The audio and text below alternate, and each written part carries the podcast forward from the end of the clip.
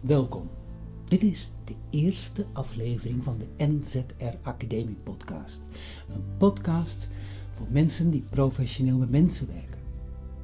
In deze podcast wil ik vreselijk graag mijn passie en mijn fascinatie voor verhalen, maar niet alleen dat, ook met de narratieve vermogens van mensen. En hoe je daarmee kunt werken om de passie en de fascinatie daarvoor met u te delen. Want er is heel veel mogelijk met verhalen. Eigenlijk, het meest fascinerende aan verhalen vind ik het dat het een, een vorm is hoe mensen proberen greep te krijgen op hun werkelijkheid. Daarom heet het ook NZR. Narratieve zelfregie. Is namelijk dat je, als je kunt werken met, goed werken met verhalen, dat je ook kunt leren om zelf de regie weer te pakken op datgene waar je mee bezig bent. Over je eigen situatie.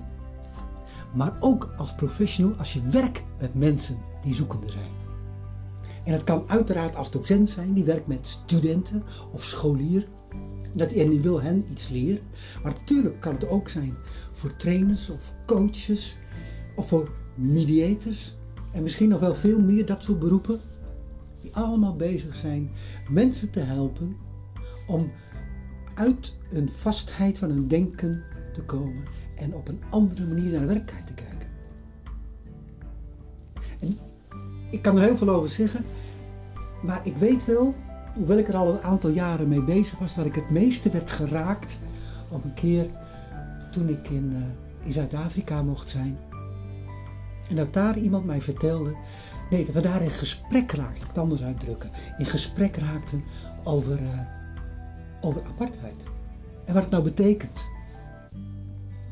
En uiteraard, wij als Europa, die hadden, we hebben daar een, een of ander intellectueel idee over. En misschien wel een standpunt. Maar weet je het werkelijk wat het is? En ik vond het zo fascinerend dat zijn antwoord was. Ach, je kunt kiezen. Ik kan daar minstens een, een college houden voor meer dan drie uur. Dan kan ik alle ins en outs, geschiedkunde, getallen en noem maar op allemaal vertellen om te weten wat apartheid is. Maar ik kan het u ook laten ervaren in een verhaal van ongeveer 2 à 3 minuten. En dat verhaal heette At the Playground.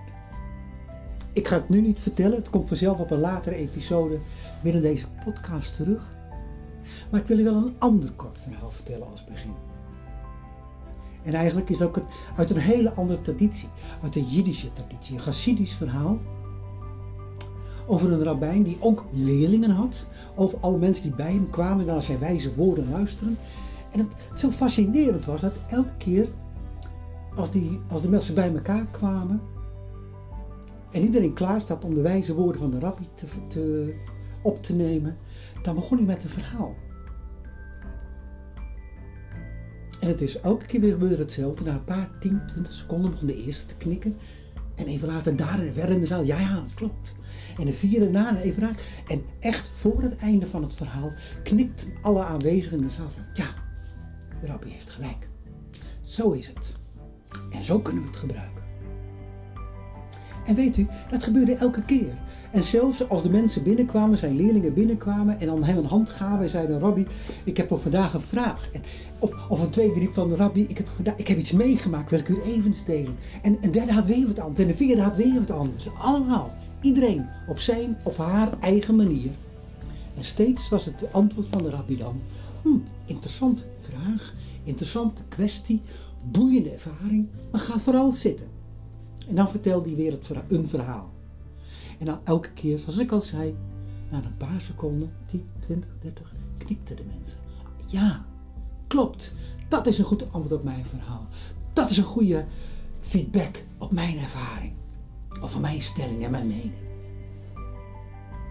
En uiteraard heb je altijd leerlingen die dan denken van, ja, maar dat is toch uh, onmogelijk. Je kunt toch niet alle mensen in één verhaal het antwoord geven datgene wat ze dwars zit.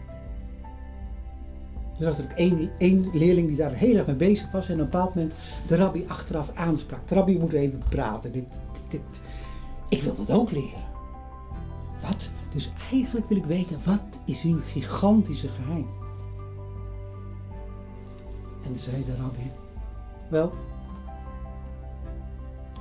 kan je wel vertellen. Maar het eenvoudigste is, ik zou je buitenweg, ik zou je zelfs een heel mooi verhaal kunnen vertellen. Het verhaal van de pijl en de roos. Maar het grote verhaal, de pijl en de roos, dat komt in een andere keer, een andere episode. Maar wat hij nu in het kort samengevat tegen deze leerling zei was, nou weet je, zei hij, ik vertel gewoon verhalen. En mijn verhalen zijn als een pijl die de roos moet raken. En ik kan je verzekeren, wat ik heb geleerd in de loop van de tijd, dat ik alles weet over spanning en ontspanning. En echt alles weet over richten en raken en vasthouden en loslaten. Op dat, gedurende mijn verhaal, alle mensen worden in een roos worden geraakt. Maar het, het mooiste is dat juist ik alleen maar in mijn verhalen de mensen verleid om een roos op te houden. Dat is hun eigen keuze en dat is hun eigen verantwoordelijkheden. Wanneer zal ik in dit verhaal mijn roos ophouden, opdat de pijl van de lering van de rabbi het zal raken? Ik heb dit verhaal altijd enorm ter harte genomen. Zo wil ik werken met verhalen. Zo wil ik, dat is dus niet belangrijk wat ik precies van tevoren heb bedacht. Of welk doel ik ermee heb. Nee, gewoon als een geschenk geven, een verhaal. En dan goed rekening houden met al, dat je alles rekening houdt met spanning, ontspanning, vasthouden en loslaten, richten en raken.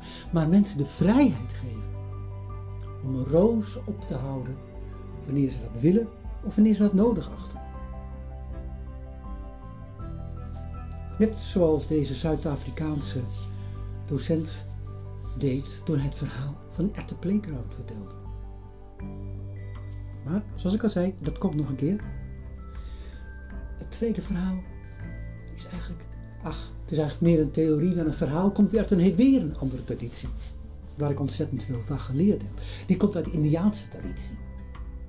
Ik weet nog heel goed dat iemand tegen mij zei: Als ik verhalen vertel. Dan weet ik.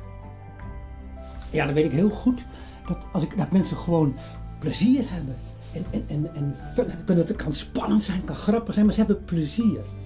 En dat noem ik de oppervlakte van het verhaal. Maar weet ook dat elk verhaal een aantal lagen heeft, de diepte in. Dat onder dat verhaal, de oppervlakte van die feiten en die gebeurtenissen, ook soort, allemaal soort met verborgen of half verborgen boodschappen zijn, of herkenningspunten zijn. Ah, zo gaan wij in onze cultuur in deze groep met elkaar om. Zo kijken wij gezamenlijk naar de wereld. En als dat gewoon klopt, is dat oké. Maar als het frikt, als je ergens steeds denkt van ja, maar dit klopt echt niet, dit is gewoon, dit, dit is lastig, dan kun je nog één diep, één niveau lager gaan. En dat is het niveau dat je denkt van ja. Wat maakt? Ik kan het veranderen. Wat maakt dat het zo is? En wat maakt dat het zo kijkt? Dat je op onderzoek gaat en dingen gaat veranderen en dan van verschillende kanten gaat kijken. En daaronder, zei deze man, zit er nog een laag. En dat is de laag van de magie. De magie van een verhaal waarbij je eigenlijk geen woorden meer zijn, maar gewoon dat je raakt en datgene zegt wat niet zegbaar. Ik vond het zo fascinerend om deze de lagen te zien en ook herkenbaar in mijn werk. En ik heb het toen te, later, die, twee dingen, dus van, van de ene kant de rabbi met zijn pijl en zijn roos, aan de andere kant al deze lagen, gecombineerd in de NZR-methode en daar gebruik van gemaakt. Ik denk van ja, maar het voor mij, in mijn werk, nog een vierde laag of moet ik het vijfde laag noemen. In ieder geval de laag die ver boven het oppervlakte is. En dat noem ik de laag van de zelfregie.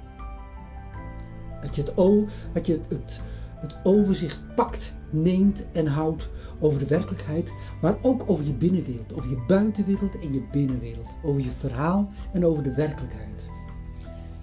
En dat je daarmee de oppervlakte, gebeurtenissen pakt, daar gewoon alle regels en codes die eronder zitten, maar ook de laag van de verandering die mogelijk is. En dan je besluiten neemt in die bovenlaag.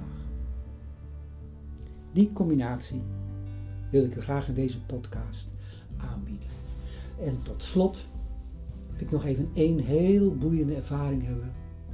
Ik mocht ooit eens in Noord-Australië in een boot varen samen met iemand die wij nou nu hier in het Westen Aborigines noemen. En we hadden het over verhalen. En het boeiende was, hij vertelde, hij zei, ik ben verhalen vertellen. Nou, ik zei, ja, je mag voor mij ook verhalen vertellen. En wij gingen dat naast elkaar zitten. Hoe werk je dan? En ik vond het fascinerend en zo leerzaam om te ervaren dat het zo totaal anders was. Hij zei, wij vertellen verhalen om de werkelijkheid te beschrijven. Voor ons is de wereld alsof de elke dag opnieuw de wereld wordt geschapen en wij vertellen verhalen over het landschap. En in het, en in het vertellen wordt het landschap herschapen, herschapen, maar niet alleen dat. Het, is ook, maakt het ook voor de mensen herkenbaar om in het land rond te lopen en de dingen te vinden. Dus, voor heel het land, totaal Australië, is het verboden om dingen gewoon te veranderen. Om het even uit een andere cultuur, de Joodse cultuur te noemen, nog titel, nog Jota mag in ons verhalen worden veranderen, opdat de mensen niet verdwalen. Opdat de mensen niet omkomen van honger en dorst in plekken waar het toch al zo moeilijk is om te overleven. En wat jij doet wij die. Jij verandert steeds in je verhaal. Je brengt mensen steeds van hun fundament af en van hun basis af. En toen dacht ik van, ja, dat doe ik ook. Dat is ook wat ik wil.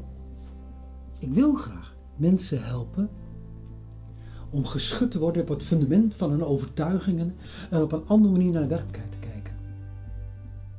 En dat vond ik altijd al prachtig om het zo te doen binnen de mediation. Ik vond het al prachtig om zo te doen binnen mijn werk als coach en trainer. Maar ook als docent. En misschien, als je hebt over lagere scholen, nee, nog beter de middelbare scholen of, de, of, de, of de, het vervolg, andere vervolgopleidingen. Mensen willen zo graag hun feiten, hun kennis en alles zo wat opgeven. En toch, en toch. Enerzijds gebruik van een narratieve methode of narratieve vermogens kun je verhalen vertellen. En in die verhalen maken het de mensen veel makkelijker om te leren omdat je alle feiten en zo keurig een plek kunt geven in het verhaal, de oppervlakte. Maar je spreekt mensen ook aan in die onderlaag, om te gaan stoeien. Je kunt ze zelfs gaan prikkelen, gaan schuren. Is eigenlijk uit te dagen om uit hun vaste denken te komen en één niveau verder in het denken te komen, wat eigenlijk de doelstelling van leren is. Nou, al die dingen wil ik de komende tijd in deze podcast aan de orde laten komen. Hebt u vragen? Hebt u suggesties? Wilt u meedenken? Wees gerust welkom. Tot slot, ik denk dat ik de komende weken ook nog een aantal filmpjes wil maken op YouTube. Maar dat zal ik keurig in de show notes zeggen. Mensen, voor nu welkom dat u op deze eerste podcast hebt geluisterd. En weet, er komen zeker nog meer.